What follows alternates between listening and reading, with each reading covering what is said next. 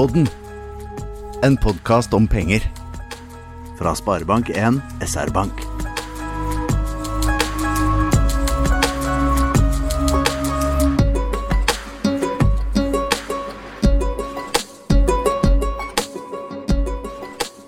Hallo og velkommen til en ny episode av Sparepodden. Jeg heter Anna, og dette er podkasten til Sparebank1 SR-Bank. Og jeg tror faktisk dette her blir tidenes beste episode. Eller hva tenker du, Kyrre? Uh, ja, altså du er jo sjefen. Uh, global head of podcasting i konsernet. Uh, så jeg har veldig tro på episoden hvis du har tro på episoden og skal gjøre mitt beste i dag. Det er godt å høre. For vi må Det første vi gjør i podkasten vår og episodene, det er jo å ha en litt lynkjapp runde rundt bordet. Ja, Det elsker du. ja, ja. Hva, hva tenker du på akkurat nå, eller i dag, eller i morges? Hva? Eh, altså Jeg tenker på veldig mye, men heldigvis så har vi fått manus fra Atle. eh, og det han har skrevet, at jeg tenker mye på fusjonen med eh, Sparebank1 Sør-Øst. Og det er jo rett òg, altså, men det var rett og slett bare for å sortere tankene. Men klart, dette er store greier, det er viktige for oss. eh, Både i SR-Bank og for våre gode venner i Sparebank1-familien i Sør-Øst. Så det der ser vi veldig veldig fram til. Altså. Og så er det jo litt eh, både litt spennende og litt skummelt. altså Folk kanskje tenker ja, kommer jeg på en måte, altså Alle skal jo beholde jobben, selvfølgelig, men kommer jeg til å ha samme rolle? og sånt, Så tenker jeg det må vi bare finne ut av. Men først og fremst tror jeg det er gledelig for oss alle at vi nå blir en på en måte enda tettere og større del i Sparebank1-familien. Så, Men du, da? Hva, hva skjer i livet ditt? Nei, jeg tenker jo ikke så veldig mye på dette, jo litt. Men det er jo noe i livet mitt som er enda større enn en bankfusjon. Og det er nemlig at jeg har kjøpt bolig. Wow, wow, wow, wow, wow. What the F, tenker jeg da. Altså, vi har snakket så mye om det, og at du skulle gå på 100 visninger. Hvor mange visninger gikk du på? Um, fem, kanskje. Nei, du, altså dette, du må bare gå til det, der de du har kjøpt av og si at dette får du ikke lov til av, eh, av gode medhjelpere, gode medmennesker i banken. Men uansett, det høres jo veldig veldig spennende ut. Fortell om budrunden. Var det over prisantydning? Under? Eh, det, det var jo sinnssykt skummelt med budrunde. Det var samboeren min som budde. Jeg tror det var et lurt valg. Okay. Så jeg bare fulgte med på mobilen på meldingene at budene kom inn, og jeg, det var en periode jeg lå på gulvet, for jeg var så stressa. Eh, og tenkte bare lå og kryste hendene. 'Vi må ha dette huset! Jeg vil ha det!' Og dere fikk det! Og vi fikk det. Ja, ja, ja. Eh. Det gikk jo litt eh, over, men jeg tenker Har du lyst på det, så må du nesten bare Du må jo sette deg en sånn OK, vi går, vi går ikke lenger enn dette her. Ja. Men hvis du vil ha det, så tenker jeg kjør på. Ja, Men dere gikk ikke lenger enn dette Nei, her? nei, nei, nei. Heldigvis. Da Hvis at du de ha hadde gått over meg. det, det Jeg hadde ikke Eller Sverre, som vi skal snakke med senere. Jeg har ikke tort å sagt ifra til deg. Nei, du må jo passe på at du har råd til det. Men Mm. eh, Så vi var ganske heldige på det siste budet vi la inn, at de backa ut. Det, da, Så bra. ja. Så, så dere vant. Gratulerer så mye. Kjekt å høre. Dette har du jo tenkt mye på, så det, jeg vet at det betyr mye for deg. Yes, jeg, eh, nå er jeg blitt gjeldsslave og eh, sykt mer voksen enn siste episode. ja, ja. Ja, Velkommen til eh, voksenlivet, sier jeg da. Men vi må gå videre til eh, dagens tema. For det handler jo faktisk om dette, nemlig boligmarkedet. Mhm. Og seinere så får vi òg med oss en gjest som kan mye mer enn meg, iallfall. Og kanskje mer enn deg. Ja, det kan, kan, jeg, kan jeg garantert. Og neste tema er boligmarkedet.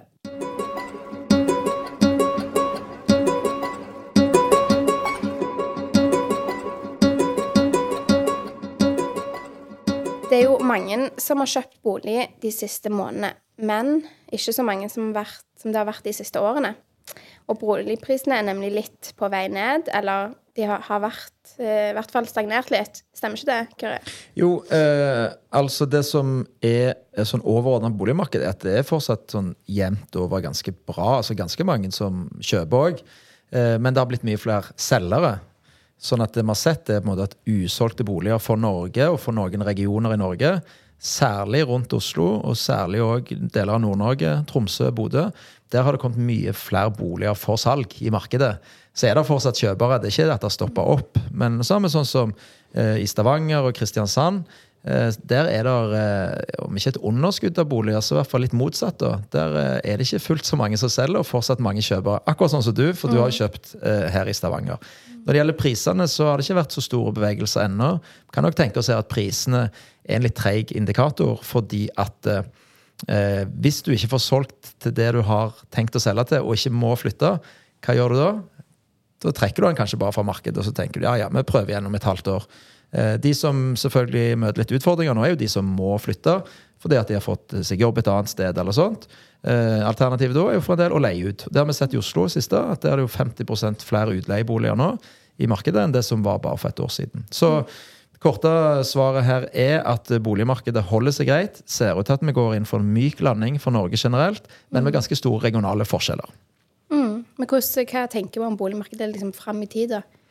Eh, jeg, når jeg nå ser på usolgte boliger i ulike regioner, så tror jeg det kommer til å være ganske eh, Det tror jeg er den beste indikatoren for hvor vi nå er på vei.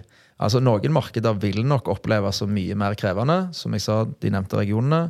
Utenom Oslo. Altså ikke Oslo, men rundt Oslo, om det er Drammen eller Romerike eller Follo. Eh, Bodø. Eh, Tromsø. Eh, Bergen òg har vi sett at det har kommet noen flere boliger. Så liksom, men, men særlig det der rundt Oslo og nordover. Eh, mens Stavanger og Kristiansand, så ser det, ser det veldig annerledes ut. altså. Eh, og det vil nok også påvirke bransjen. for det er klart Skal du ut og- og bygge nytt nå, det kan sikkert Sverre si litt om, så er det det er, det er dyrt å bygge nett pga. kostnadsvekst. og sånn, og da, da må det være ganske, sant, Du skal ha en god etterspørsel der for å sette i gang. Så Vi vil nok også se i forhold til ikke bare det antall usolgte i markedet, men aktiviteten i bolig, altså i eiendomsmarkedet, i byggemarkedet og sånn, vil det være, kunne være ganske store regionale forskjeller i framover. Men hva er det egentlig som påvirker dette nå, og veien videre? Eh, På kort sikt så er det jo lett å tenke seg at det er renta og inflasjon og folks kjøpekraft. Og det er det jo som regel. For sånn, grunnen til at dere kjøpte jobb, er jo fordi, eh, kjøpte bolig, er jo fordi begge er jobb, dere er trygge på jobben. Og dere trenger et sted å bo, og dere har en lang nok horisont. Og dere er ikke så usikre på markedet at dere venter. sant? For det var jo et alternativ for dere òg. Ok, kan vi vente og få bedre kjøp neste år? Eh, over tid og, og det andre det er dette med usolgte boliger, som gir oss et øyeblikksbilde, og som også vil prege markedet framover. Det vet vi fra Stavanger oljenedturen og Kristiansand oljenedturen i 2015, 16, 17, at når det blir overskudd av markedet i boliger, så gir det seg utslag i boligmarkedet. I prisene og, og egentlig bygging. Eh, på litt sikt så er det liksom Det vi av og til glemmer, er at hvem er det som skal bo i boligene? Det er folk. Hvor mange folk bor der i f.eks. i Oslo akkurat nå? Jo, der bor 200 000 flere folk i Oslo enn for 20, altså i år 2000. Eh, I Viken så er tallet 300 000. Så det, i Oslo og Viken til sammen så bor det 560 000 flere, flere folk enn for 23 år siden. I eh, Nordland for eksempel, så bor det bare 3500 flere folk. Så det at den der befolkningsveksten er en sånn enormt viktig driver for boligmarkedet. Og nå er det litt sånn snakk om at ja, det bygges altfor lite. Eh, Men det er litt u... Altså, det er veldig lav boligbygging nå, men hvis du tenker deg at vi går inn i en annen tid, fordi at befolkningsveksten i Norge eh, er i veldig stor eh, drevet av det tragiske som skjer i Ukraina. Altså Nesten 60-70% av de 60 000 som kom til Norge i fjor, var fra Ukraina. Så hvis du tar vekk de, så er befolkningsveksten veldig lav. Og det tror jeg vi må hensynta når vi skal lage prognoser for befolkningsvekst framover, og, og eh, da, da på en måte boligbehovet. Så det er sånne ting eh, tenker jeg på. Men tror du at jeg har gjort et eh, riktig valg nå, da, at jeg kjøpte bolig? Eh, har du tenkt godt gjennom hva dette kommer til å koste? Eh, ja, og jeg tenker Jeg var jo i møte med banken, og hun sa vi har troen på dere, Så. Ja, så bra. Og du har tenkt å bo der en stund? Ja, veldig lenge. Ja. Så Så da tenker jeg, da har du gjort det du skal. Har du gått på mange 100 visninger? Nei, jeg kan ikke høre på alt du sier. Så, eh, men la oss si i hvert fall at dere har tilstrekkelig oversikt over markedet til å både vite at dette er noe for dere, dere har råd til det, dere vet hva andre ting dere kunne ha kjøpt. og tenker jeg, dette høres eh, Jeg skal ikke si at jeg gir begge tomlene sånn rett opp, men jeg vil si at dette høres bra ut. Jeg har jo til og med sett det. Vi var jo innom i går. Ja. Det så jo kjempefint ut. Ja, så jeg gleder meg. Får jeg komme på innflyttingsfest? Vi får se. Hvis du gir meg to tomler opp. Ok, Da blir det to tomler opp, men de står ikke rett opp. altså De står, bare, de står litt på skrå på. Ok, Vi må videre, for vi har fått med oss en gjest. Eh, og det, han, vi skal også snakke om videre om boligmarkedet.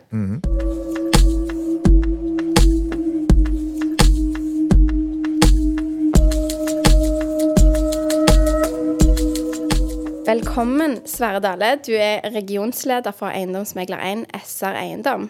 Hva, hva, hva er du egentlig da? Takk for invitasjonen først. ja. Og gratulerer med bolig.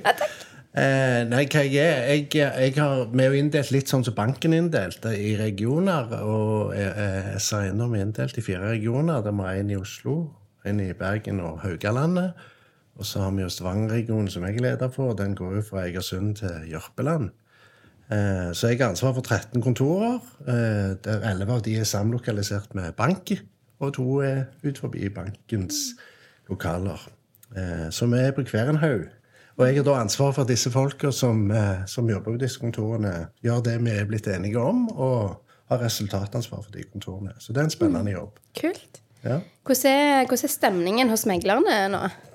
Det er litt sånn som Sjurre er inne på. Det er, det er litt sånn klyp i ermen. Eh, for det at eh, vår region har jo ligget nede for telling i forhold til oljenedturen. Så vi har et litt annet bilde på markedet. Når du er ute og kjøper og snakker om budrunder, så vet vi at kollegaene som jobber i andre regioner, f.eks. i Randsone og Oslo, de har det knalltøft. eh, Og de begynner å merke det i andre regioner òg, at ting stopper litt opp.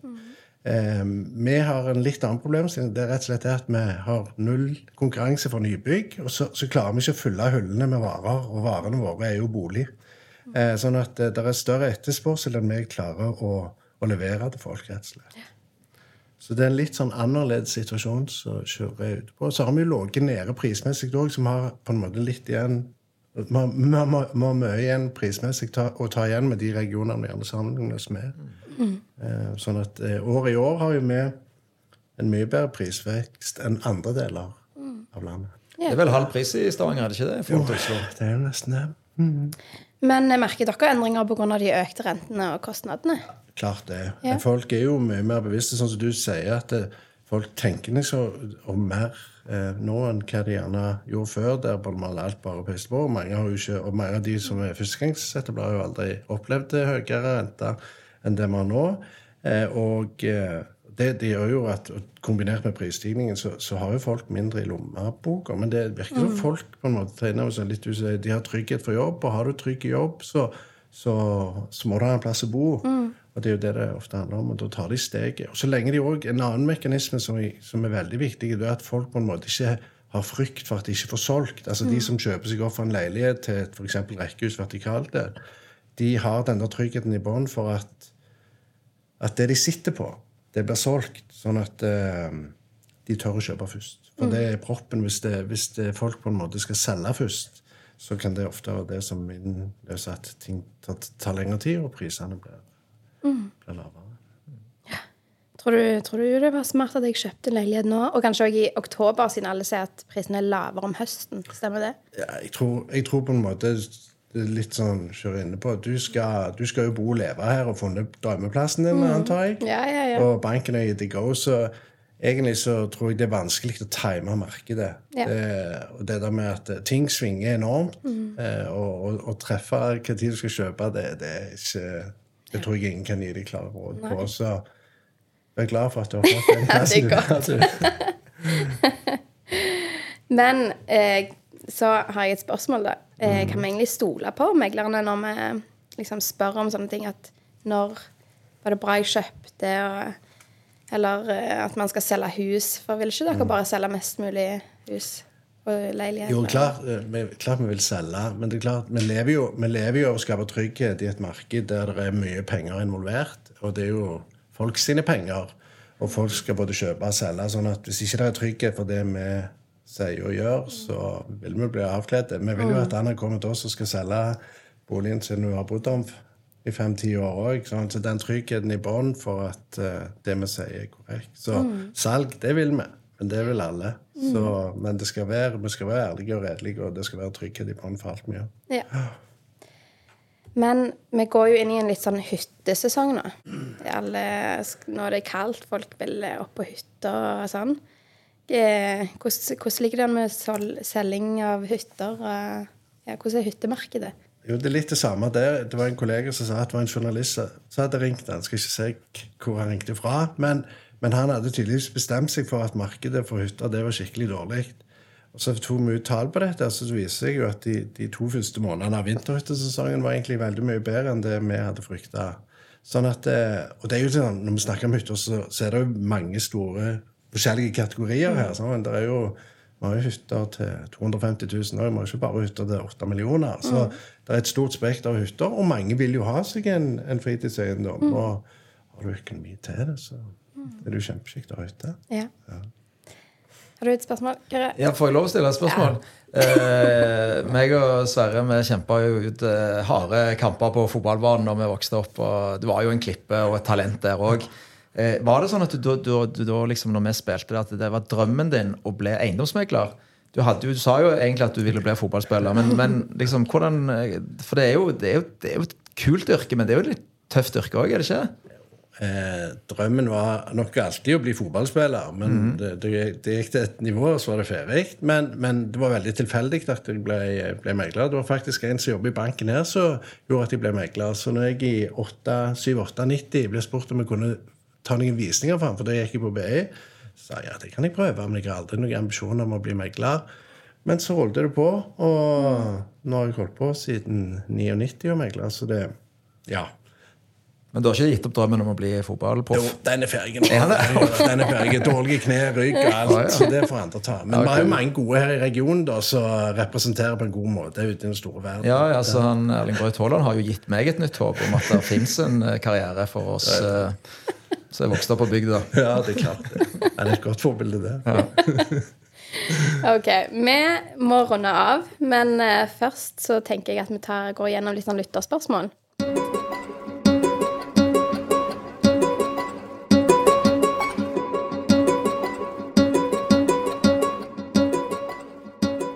OK. Første spørsmål. Det er eh, Er livsforsikring noe vanlige folk egentlig trenger? Det er et veldig godt spørsmål, eh, Anna. Og eh, jeg tenker ja. Særlig hvis du har familie. Særlig hvis du har et stort boliglån. Jeg har tenkt mye på dette. Jeg har både unger, noen har jo flytta ut, noen bor hjemme. Jeg er jo gift.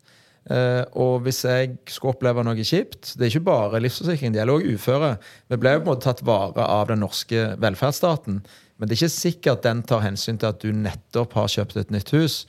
som du på en måte, Og da har du naturlig nok noe høyere gjeld enn om 10-15-20 år når du har betalt ned der. Så jeg tror det er ganske viktig å se på økonomien sin. Det vi gjorde i good old days, var jo at vi gjerne hadde en, en slags forsikring på lånet. Det var ganske vanlig.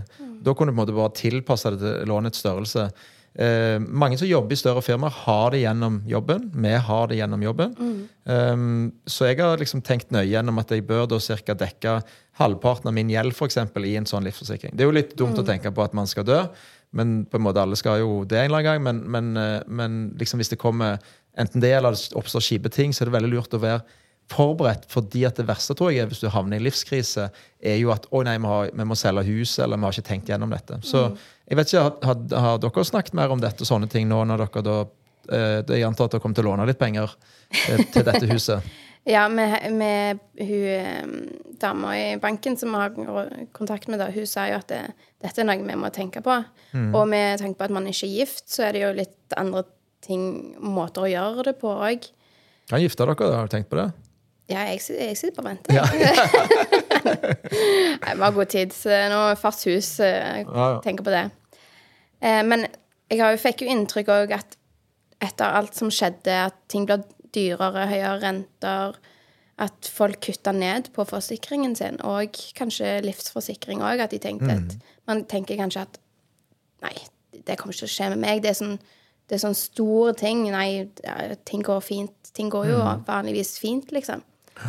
Det tror jeg, jeg eh, ikke er smart. Altså, I hvert fall må det være veldig bevisste valg. Det som nok er med forsikring, at en del er nok litt sånn dobbeltforsikra. Det har det heldigvis vært litt snakk om at du, du har både noe gjennom jobben, så derfor er det viktigste å sjekke veldig nøye hva vi har gjennom jobben. Uh, og så hva er behovet for å ha noe ekstra. Men du kan jo ta huset ditt. da. Vil du på en måte, uh, Hvis du tenker du skal spare penger, vil du kutte f.eks. brannforsikringen på huset ditt? Uh, nei, det hørtes jo dritskummelt ut å kutte det. Ja, sant? Ja. Men, men hvis du kutter livsforsikringen din, så er det jo noe av det samme. sant? Ja, ja. En ting er at man liksom ser nøye gjennom forsikringen. Trenger du så høy dekning? Skal du reise så Mm. Mye? Eller, men, men liksom basisforsikringene på det som er store verdier, enten om det er ditt eget liv eller de Mm. rundt deg, eh, det må man være veldig bevisst på hvis man begynner å kutte ned på der, tenker jeg. Ja. Men til en annen forsikring, fordi jeg har jo kjøpt hus, som jeg har snakket veldig mye om i denne podkasten her. Eh, og da sa megleren vår at eh, dere må skaffe dere boligkjøpsforsikring. Og da er jeg sånn Hva er dette her? Hva er det? Det er jo igjen et trygghetsprodukt i forhold til at eh, altså når du får nøklene til den nye leiligheten, og alt er fryd og gammen, så kan det jo skje ting i de fem åra som selgeren er ansvarlig for. Skjulte Ja. vesentlige feil og mangler. På. Og da er det en forsikring som betaler et engangsbeløp. Men det er et forsikringsselskap som på en måte dekker advokathjelp. Og, og det er egentlig en sånn trygghet for at hvis noe skulle gå gale, så har du hjelp. Ja. Eh, og hvis spørsmålet ditt er om du skal tegne den, Ja. så er svaret ja. ja. og hvor gjør jeg dette her? Nei, det får du hjelp til når du signerer kjøpekontrakt Okay. Og Ja. meglerkontoret. ja, ja, da Jeg tar den forsikringen jeg må ha, jeg. Det, Men det kan være lurt så, å, å snakke litt om dette hjemme òg, og, og sjekke ut hva dekker det egentlig, hva dekker det ikke. Sånn at du ikke sitter der og så er du så gira på, Ja. På å bare få dine nøklene at du, sant, at du at, tenk, litt gjennom det. For det, den dekker jo ikke absolutt alt. gjør ikke sant? Jeg gjør ikke det, men det som er fordelen med den, det er at de som på en måte håndterer Hvis det skulle skje ting i etterkant her, så er det på en måte en profesjonell altså Den for, forsikringsagenten som har dette, nå vet jeg ikke hvem, hvem det er i ditt tilfelle, men de er proffe på avhendingsloven, og de kan kjapt avklare. For, for selgerne har mest sannsynlig forsikring på sitt salg. sammen. Ja. Så han, har jo, eh, han er forsikra av, av en egen part, så de, da snakker forsikringsselskapene sammen.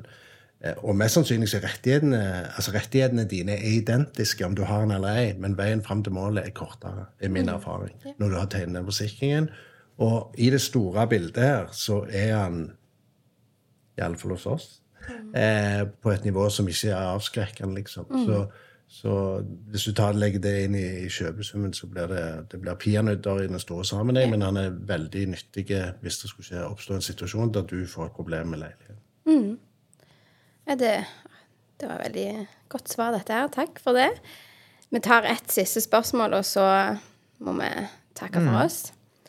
Da har jeg fått inn et spørsmål hva vi, Jeg føler vi alltid snakker om renter jeg, i episodene. Men hva er renters renter?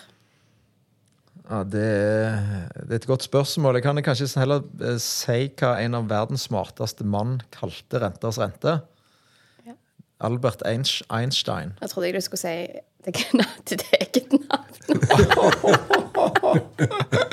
Ja, det, det hadde vel vært litt sånn uh, Hva skal vi si litt drøyt. Jeg har såpass selvinnsikt. Okay, ja, ja. Mm.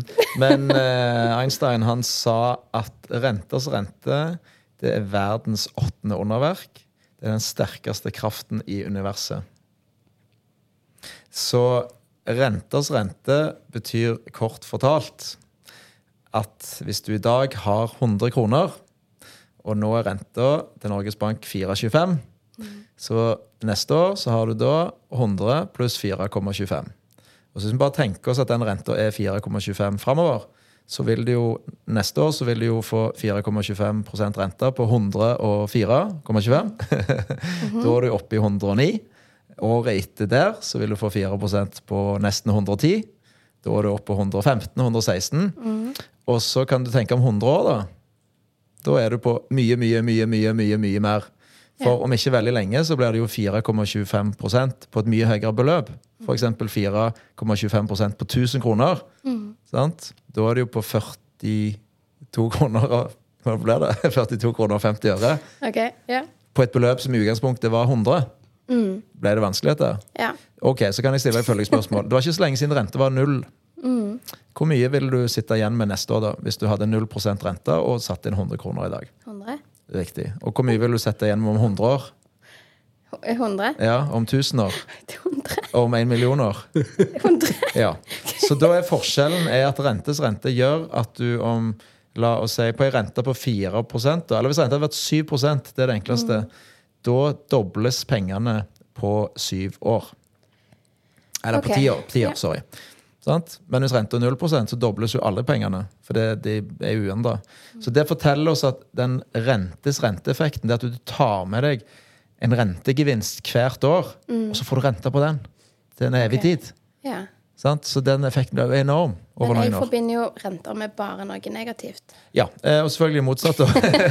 motsatt hvis du må betale renta. Ja. Men du kan si at hvis renta er høy, så gjør jo du alt du kan for å eh, ha kontroll med den rentekostnaden. Så du for eksempel, du vil aldri la boliglånet ditt at du legger til renta. Av og til så må du jo ha på en måte prøve i hvert fall avdragsfritt da, hvis det er veldig tight. Men med veldig egentlig det er veldig få som får lov til å ikke betale renter engang. For da ville du fått rentes renteneffekt inn, i- inn i boliglånet. Du betaler renter, og så betaler du som regel avdrag òg. Og det betyr jo at det at du betaler ned på dette, det er jo som husleie, da, så betaler du gradvis ned på huset. Ja. Så du motvirker rentes renteeffekten på boliglånet ditt ved å betale renter pluss avdrag. Okay. Så Derfor så trenger du jo ikke være så eh, på en måte redd. Det som er, det som er litt krevende, selvfølgelig når renta stiger mye, så stiger jo det månedlige beløpet mye. Og så er det ikke sikkert du har på en måte råd til å betale avdrag lenger. Fullt avdrag. Så da må du gjerne strekke på nedbetalingstida, ta en liten prat med banken, hvordan står man av. For sånn som nå, så for mange så vil jo på en måte maks rentebelastning komme jo til å være i disse dager. Fordi når vi kommer inn i neste år, så vil mest sannsynlig renta flate ut. Jeg tror den kommer litt ned. Eh, og så vil jo lønna di forhåpentligvis stige litt neste år. Og stige mer enn inflasjonen. Og da har du det vi kalles for reallønnsvekst. Og da blir du på en måte reelt sett litt rikere neste år. Og da når renten flater ut Er du med? Jeg, ja, jeg, Eller ble det litt, Nei, nei. eh, Jeg, Du følger? ja. Så det, poenget mitt er at uh, vi står i en tunnel. Det er litt mørkt i tunnelen, fordi at det har sant, renta har steget mye. For alle med boliglån med flytende rente. da. Ja. Uh, renta har steget mye, kostnadene har steget mye. Men kanskje det er et lite lys inn i enden av tunnelen der foran. Kanskje inn i neste år. Fordi da vil renta flate ut, lønna stige, og, sti, lønna sti, og, og inflasjonen roer seg litt. Det høres veldig bra ut. Jeg tror vi runder av der, og takke for i Det er dag. lys i av tunnelen. Tusen takk for at du ville være med. Det var veldig kjekt. Takk for at jeg fikk komme.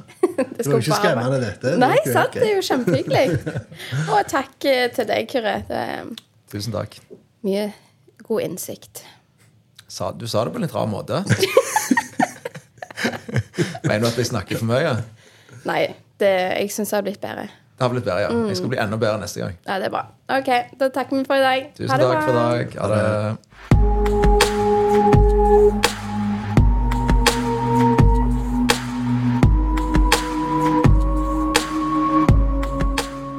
Denne podkasten er produsert av Impress Publisering.